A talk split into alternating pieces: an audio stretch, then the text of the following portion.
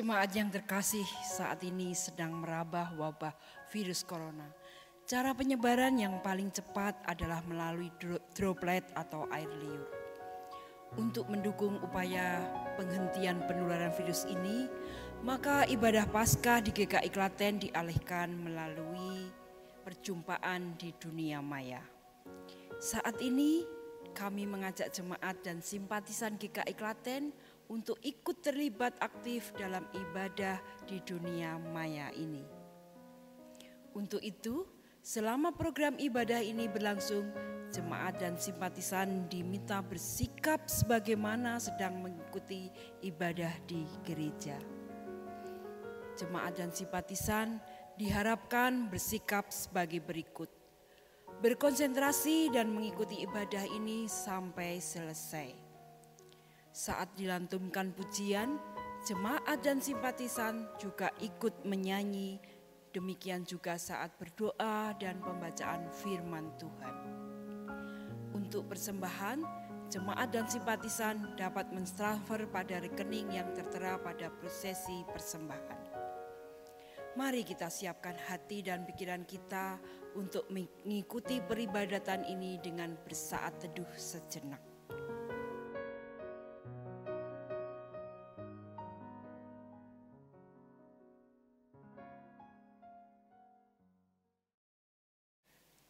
Hari yang dijadikan Tuhan.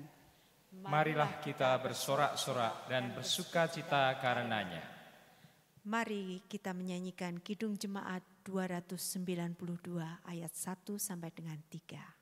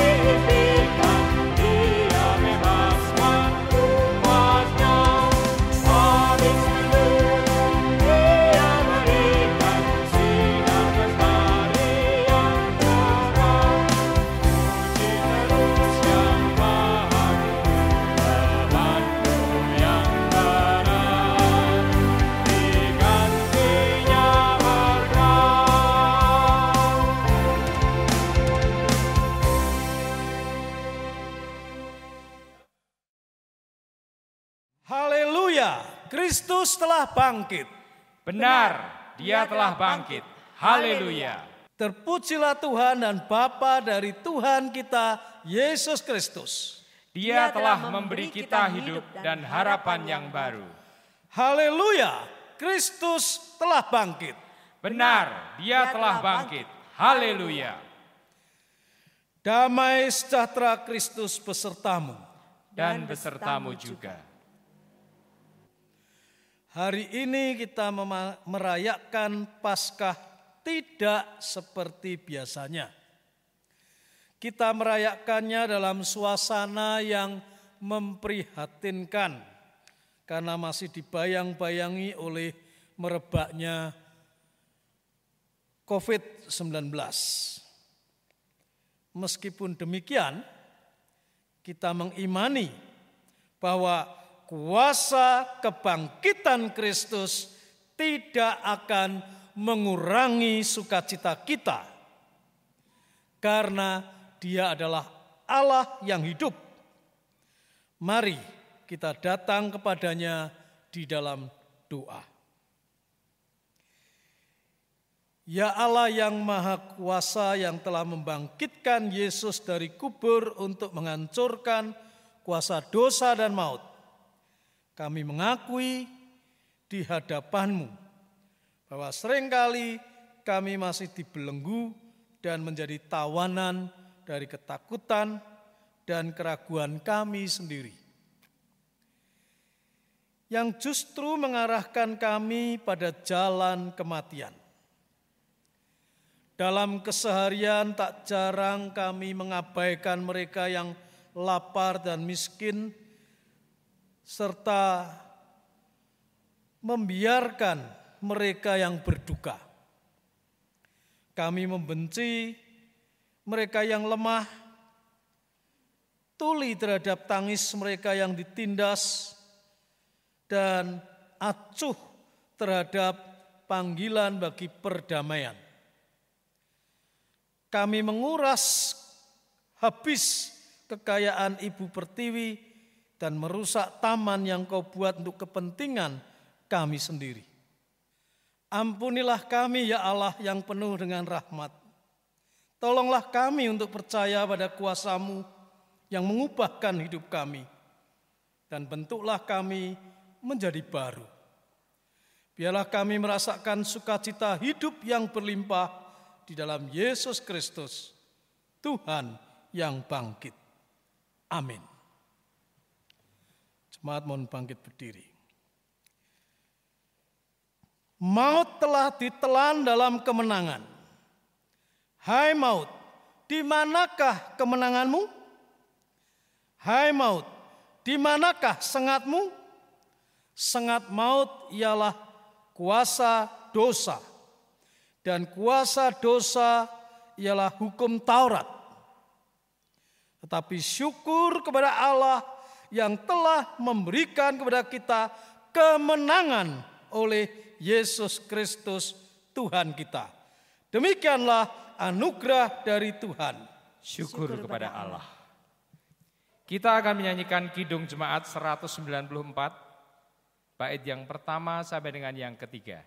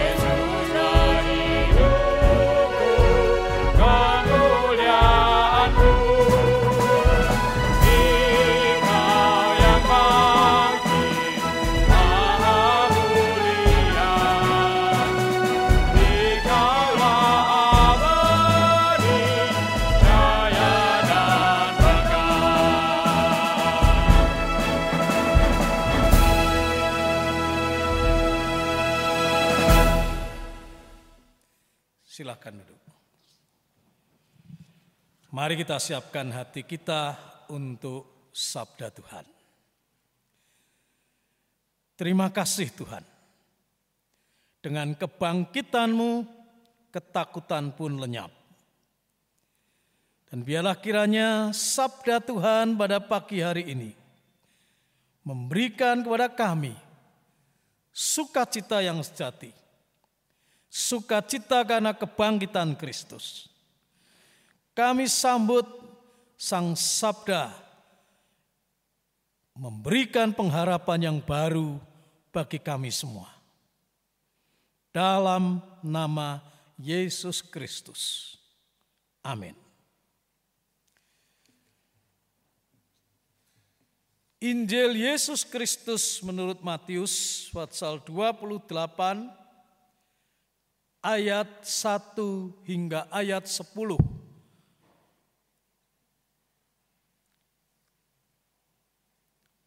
Matius pasal 28 ayat 1 hingga ayat 10. Setelah hari sabat lewat, menjelang menyingsingnya fajar pada hari pertama minggu itu, pergilah Maria Magdalena dan Maria yang lain menengok kubur itu. Maka terjadilah gempa bumi yang hebat, sebab seorang malaikat Tuhan turun dari langit dan datang ke batu itu dan menggulingkannya, lalu duduk di atasnya. Wajahnya bagaikan kilat dan pakaiannya putih bagaikan salju. Dan penjaga-penjaga itu gentar ketakutan dan menjadi seperti orang-orang mati. Akan tetapi malaikat itu berkata kepada perempuan-perempuan itu, "Janganlah kamu takut, sebab aku tahu kamu mencari Yesus yang disalibkan itu. Ia tidak ada di sini, sebab ia telah bangkit, sama seperti yang telah dikatakannya. Mari, lihatlah tempat ia berbaring. Dan segeralah pergi dan katakanlah kepada murid-muridnya bahwa ia telah bangkit dari antara orang mati. Ia mendahului kamu ke Galilea. Di sana kamu akan melihat dia. Sesungguhnya aku telah mengatakannya kepadamu. Mereka segera pergi dari kubur itu dengan takut dan dengan sukacita yang besar dan berlari cepat-cepat untuk memberitahukannya kepada murid-murid Yesus. Tiba-tiba Yesus berjumpa dengan mereka dan berkata, "Salam bagimu." Mereka mendekatinya dan memeluk kakinya serta menyembahnya. Maka kata Yesus kepada mereka, "Jangan takut. Pergi dan katakanlah kepada saudara-saudaraku supaya mereka pergi ke Galilea, dan di sanalah mereka akan melihat aku. Demikianlah Injil Yesus Kristus. Dan yang berbahagia adalah mereka yang mendengar dan melaksanakannya di dalam kehidupan sehari-hari. Haleluya.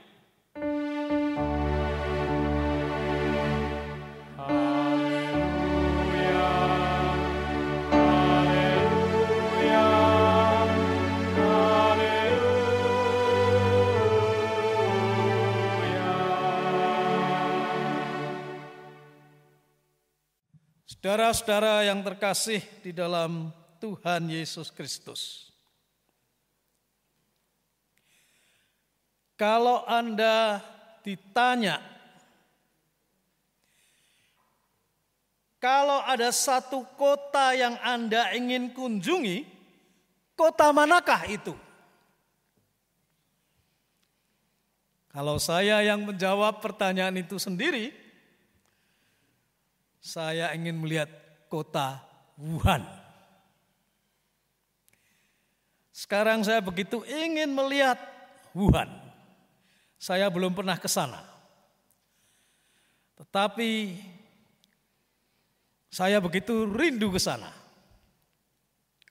Saya berharap mungkin tahun depan sesudah badai corona ini berlalu, saya akan bisa pergi ke sana. Saya akan ajak anak-anak dan cucu saya untuk mengunjungi kota ini. Kota ini sudah menjadi simbol kematian dan kebangkitan. Bencana dan pengharapan. Maut dan hidup. Nah hari ini kita merayakan kebangkitan Kristus.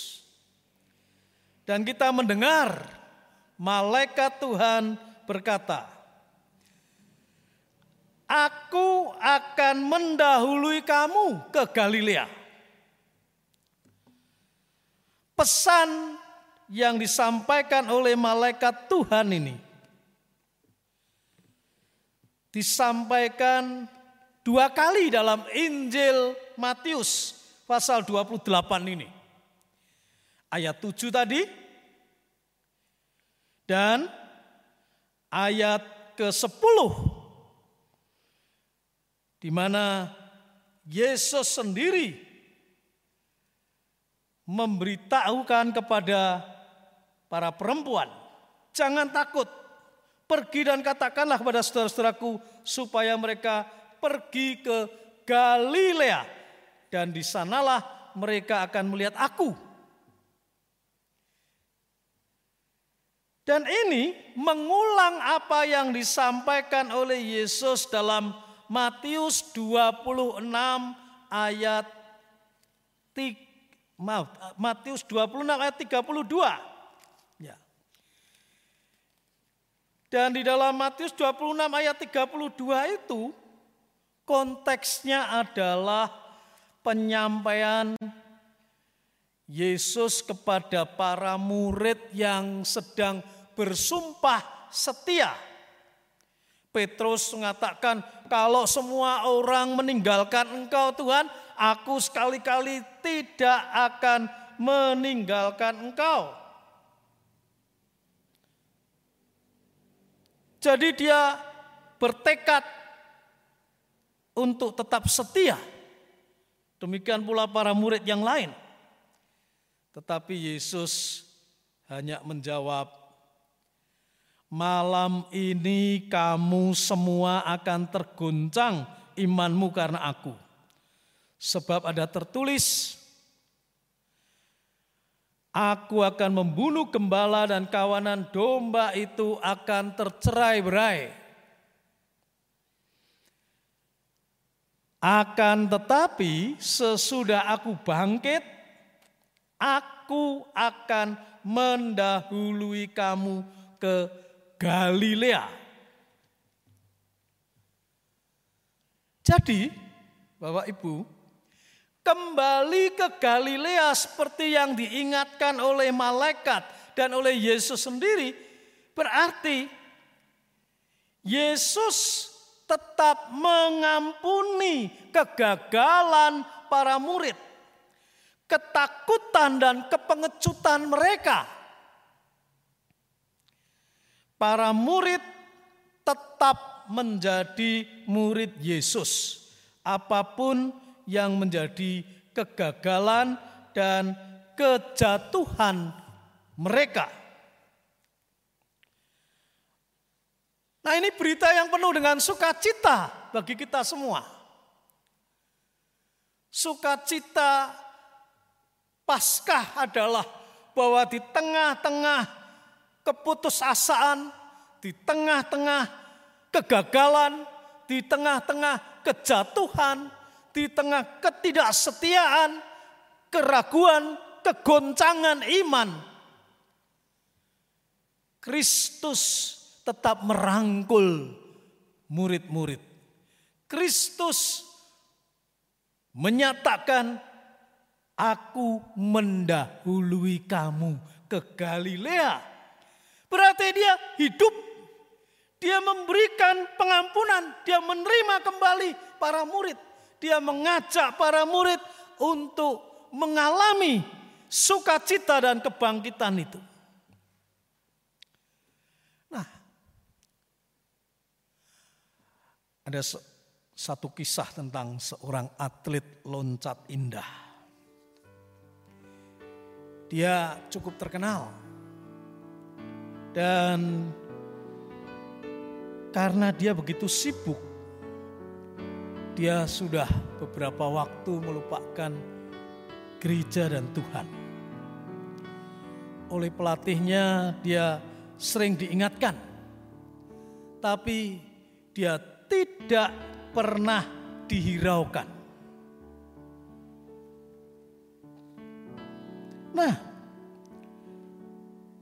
Satu hari sudah malam dan di tengah-tengah suasana yang sudah cukup gelap, dia ingin berlatih di salah satu kolam renang indoor di kampus. Dia naik ke tangga untuk menuju papan loncat yang cukup tinggi. Sementara lampu sudah padam semua. Agak gelap. Dan cuma ada cahaya remang-remang. Dia kemudian membelakangi kolam renang dengan maksud akan loncat membelakangi dan kakinya bergeser pelan ke ujung papan dan kemudian dia merentangkan kedua tangannya bersiap untuk terjun salto ke belakang. Terjun ke kolam. Tapi ketika dia menatap ke depan, dia melihat bayangannya sendiri di dinding di mana dia merentangkan tangannya dan terlihat persis seperti salib. Dia tersentak. Dan tiba-tiba muncul perasaan yang penuh dengan rasa salah. Dia teringat akan nasihat pelatihnya supaya dia pergi berdoa dan pergi ke gereja dan dia tertunduk dengan sedih. Dia tidak jadi meloncat ke belakang, terjun ke kolam, tapi dia kemudian terduduk, menyesal, dan kemudian berdoa kepada Tuhan. Cukup lama dia berdoa. Dia memohon ampun pada Tuhan. Dan setelah dia merasakan damai yang dari Tuhan memenuhi hatinya, dia bangkit, berdiri. Tiba-tiba lampu dinyalakan. Petugas kampus masuk. Baru pada saat itulah si pemuda melihat bahwa kolam renang di bawahnya ternyata sedang dikeringkan. Sebab hendak akan ada perbaikan. Jadi Tuhan sudah menyelamatkan pada waktu yang sangat tepat. Tuhan demikian penuh anugerah bagi dirinya. Dia menjadi penuh dengan syukur dan sukacita. Demikian pula kepada para murid. Tuhan penuh anugerah kepada para murid. Dan tetap menyatakan rahmatnya justru di tengah-tengah kegagalan, ketidaksetiaan, ketakutan, kepengecutan para murid. Galilea menyatakan anugerah Tuhan bagi kita. Bapak, Ibu, dan saudara-saudara yang terkasih, Galilea juga menggambarkan, mengingatkan kepada para murid tentang panggilan dan misi mula-mula yang Tuhan berikan kepada para murid.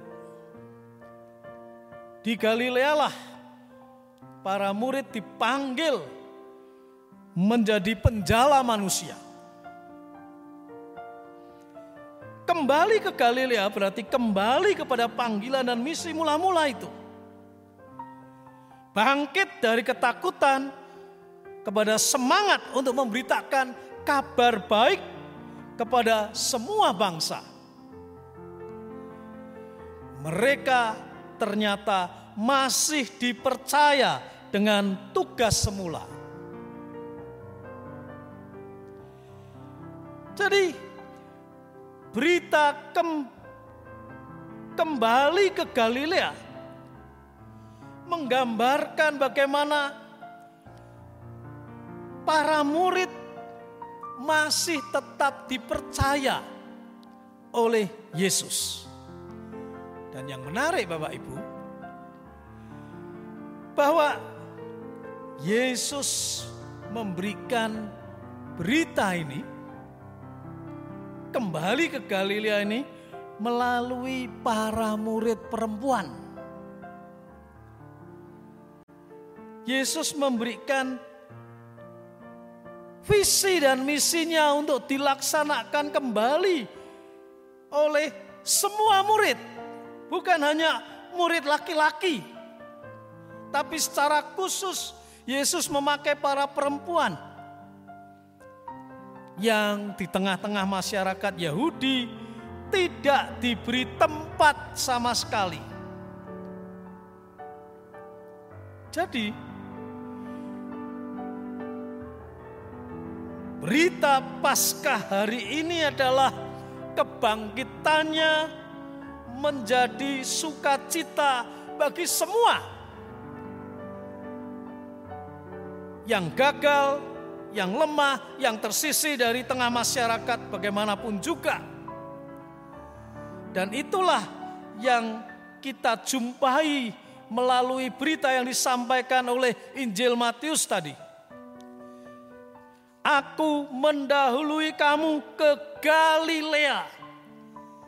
Menunjukkan Yesus yang bangkit adalah Yesus yang ingin memakai kita semua. Yang mengalami anugerah Tuhan untuk merasakan bagaimana rahmat Tuhan dapat disampaikan juga kepada semua orang.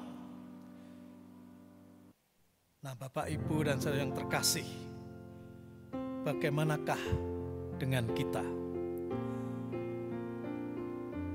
Kisah para rasul 10 yang menjadi bacaan leksionari yang menyertai Injil ini menggambarkan bagaimana Rasul Paulus mengatakan bahwa Kristus yang bangkit adalah Kristus yang merengkuh mereka yang non Yahudi. Rasul Petrus maaf ya. Jadi Kristus yang bangkit adalah Kristus yang merengkuh semuanya yang non Yahudi juga. Jadi semua direngkuh bersama-sama. Itulah sukacita kebangkitan. Bagaimanakah kebangkitan gereja, kebangkitan Kristus menolong gereja untuk merengkuh sesama kita, merengkuh semuanya dan tidak terkecuali. Semoga Tuhan memberkati kita dengan sukacita sejati. Amin. Mari kita berdoa syafaat. Hari ini kami bersuka cita. Kristus telah bangkit. Kristus yang bangkit adalah Kristus yang mengampuni semua kegagalan kami. Anak-anakmu ya Tuhan. Kristus yang merangkul kami kembali. Kristus yang masih tetap mempercayakan kabar baik, berita sukacita itu kepada kami semua agar kami dapat berbagi sukacita kebangkitan Kristus kepada sesama. Namun kami juga ingin mengingat di tengah-tengah suasana penularan COVID-19 yang masih terus mencengkam kehidupan umat manusia saat ini. Kami melihat bagaimana penderitaan dari sesama kami. Bagaimana keluarga-keluarga bergumul dengan duka dan kehilangan orang-orang yang mereka kasihi. Bagaimana masyarakat menjadi penuh dengan ketakutan dan kegentaran, kepanikan, dan perasaan putus asa. Maka kami ingin menyerahkan kehidupan kami semua. Tuhan kiranya menjadi sumber sukacita sejati akan terus memberikan semangat dan kekuatan bagi gereja Tuhan untuk melanjutkan tugas panggilan di tengah-tengah dunia dan kiranya juga Tuhan akan menolong di dalam semua pihak menghadapi wabah COVID-19 ini. Secara khusus kami doakan para dokter, perawat, orang-orang di bidang medis yang harus berhadapan langsung dengan pendampingan terhadap pasien,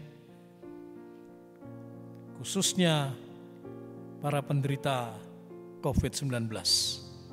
Tuhan kiranya memberikan kekuatan dan pertolongan kepada mereka. Demikian pula kami doakan upaya medis untuk menemukan obat mengatasi virus ini. Kiranya Tuhan akan memberkati semua upaya sehingga secepatnya wabah ini akan dapat teratasi. Bapa Surgawi, biarlah sukacita yang Tuhan berikan kepada kami melalui kebangkitan Kristus menjadi semangat dan kekuatan untuk terus mendampingi dunia di tengah-tengah penderitaan dan kekalutan yang ada. Tuhan menolong, menyertai kami semua. Tuhan memberkati para pemimpin kami di dalam membuat keputusan-keputusan yang tepat, sehingga Indonesia akan dapat melewati saat-saat yang sulit ini dengan sebaik-baiknya. Dengarlah seru doa kami ya Tuhan, di dalam pergumulan kami, demi nama Yesus Kristus yang mengajar kami untuk berdoa. Bapa kami yang di surga, dikuduskanlah namamu, datanglah kerajaanmu, jadilah kehendakmu di bumi seperti di surga. Berikanlah kami pada hari ini makanan kami yang secukupnya. Dan ampunilah kesalahan kami seperti kami juga mengampuni orang yang bersalah kepada kami. Dan janganlah bawa kami ke dalam pencobaan, tapi lepaskanlah kami daripada yang jahat. Karena engkaulah empunya kerajaan dan kuasa dan kemuliaan sampai selama-lamanya. Amin. Kami undang Bapak, Ibu, dan Saudara untuk bangkit berdiri. Marilah kita bersama dengan umat Allah di masa lalu, masa kini, dan masa depan mengingat pengakuan pada baptisan kita menurut pengakuan iman rasuli. Aku percaya kepada Allah, Bapa yang Maha Kuasa, Kalik langit dan bumi, dan kepada Yesus Kristus, anaknya yang tunggal, Tuhan kita. Yang dikandung dari roh kudus, lahir dari anak darah Maria, yang menderita sengsara di bawah pemerintahan Pontius Pilatus, disalibkan, mati dan dikuburkan, turun ke dalam kerajaan maut. Pada hari yang ketiga, bangkit pula dari antara orang mati, naik ke surga, duduk di sebelah kanan Allah Bapa yang Maha Kuasa, dan dari sana ia akan datang untuk menghakimi orang yang hidup dan yang mati. Aku percaya kepada Roh Kudus, gereja yang kudus dan am, persekutuan orang kudus, pengampunan dosa, kebangkitan orang mati, dan hidup yang kekal. Amin. Silahkan untuk duduk kembali.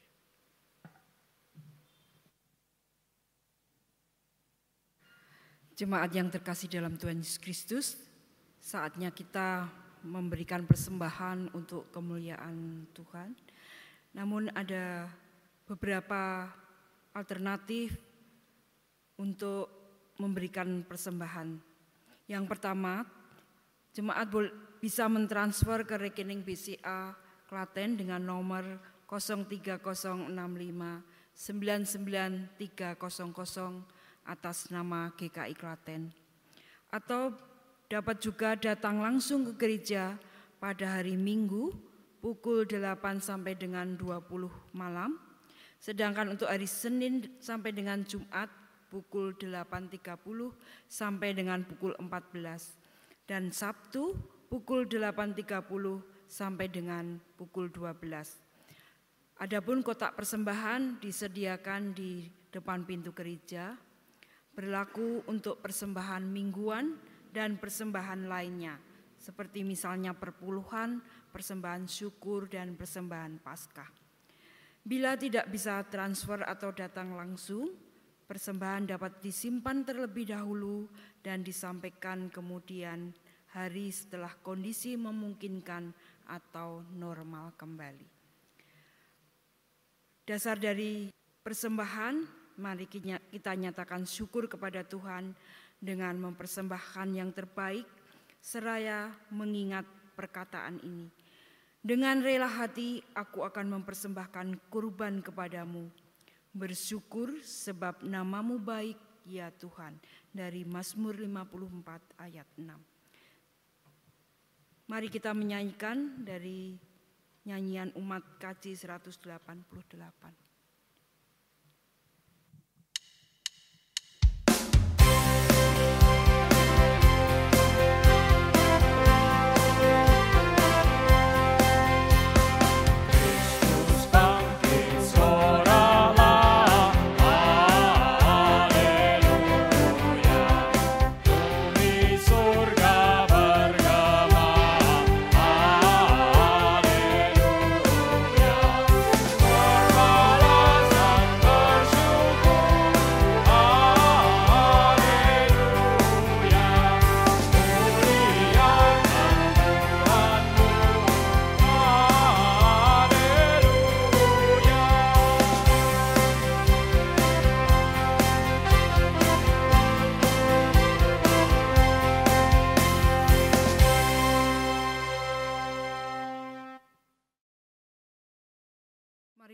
Naikkan doa syukur.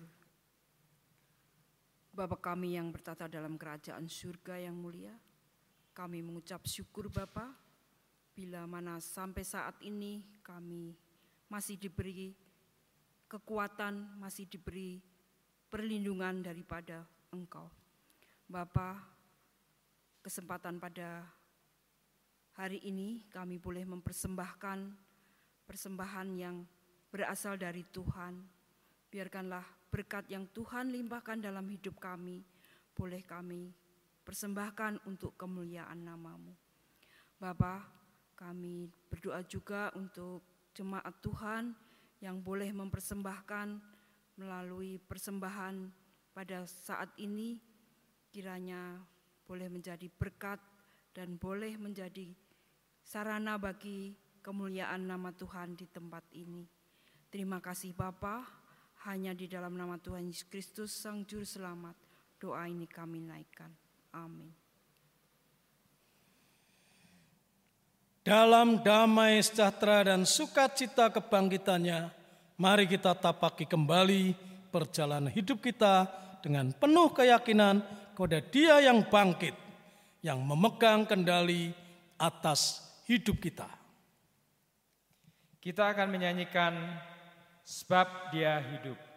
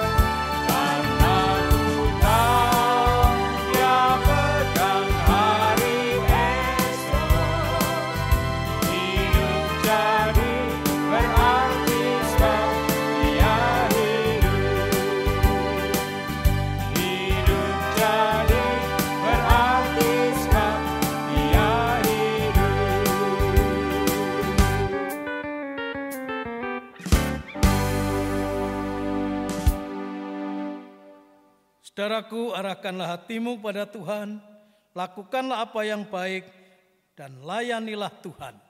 Terimalah berkatnya.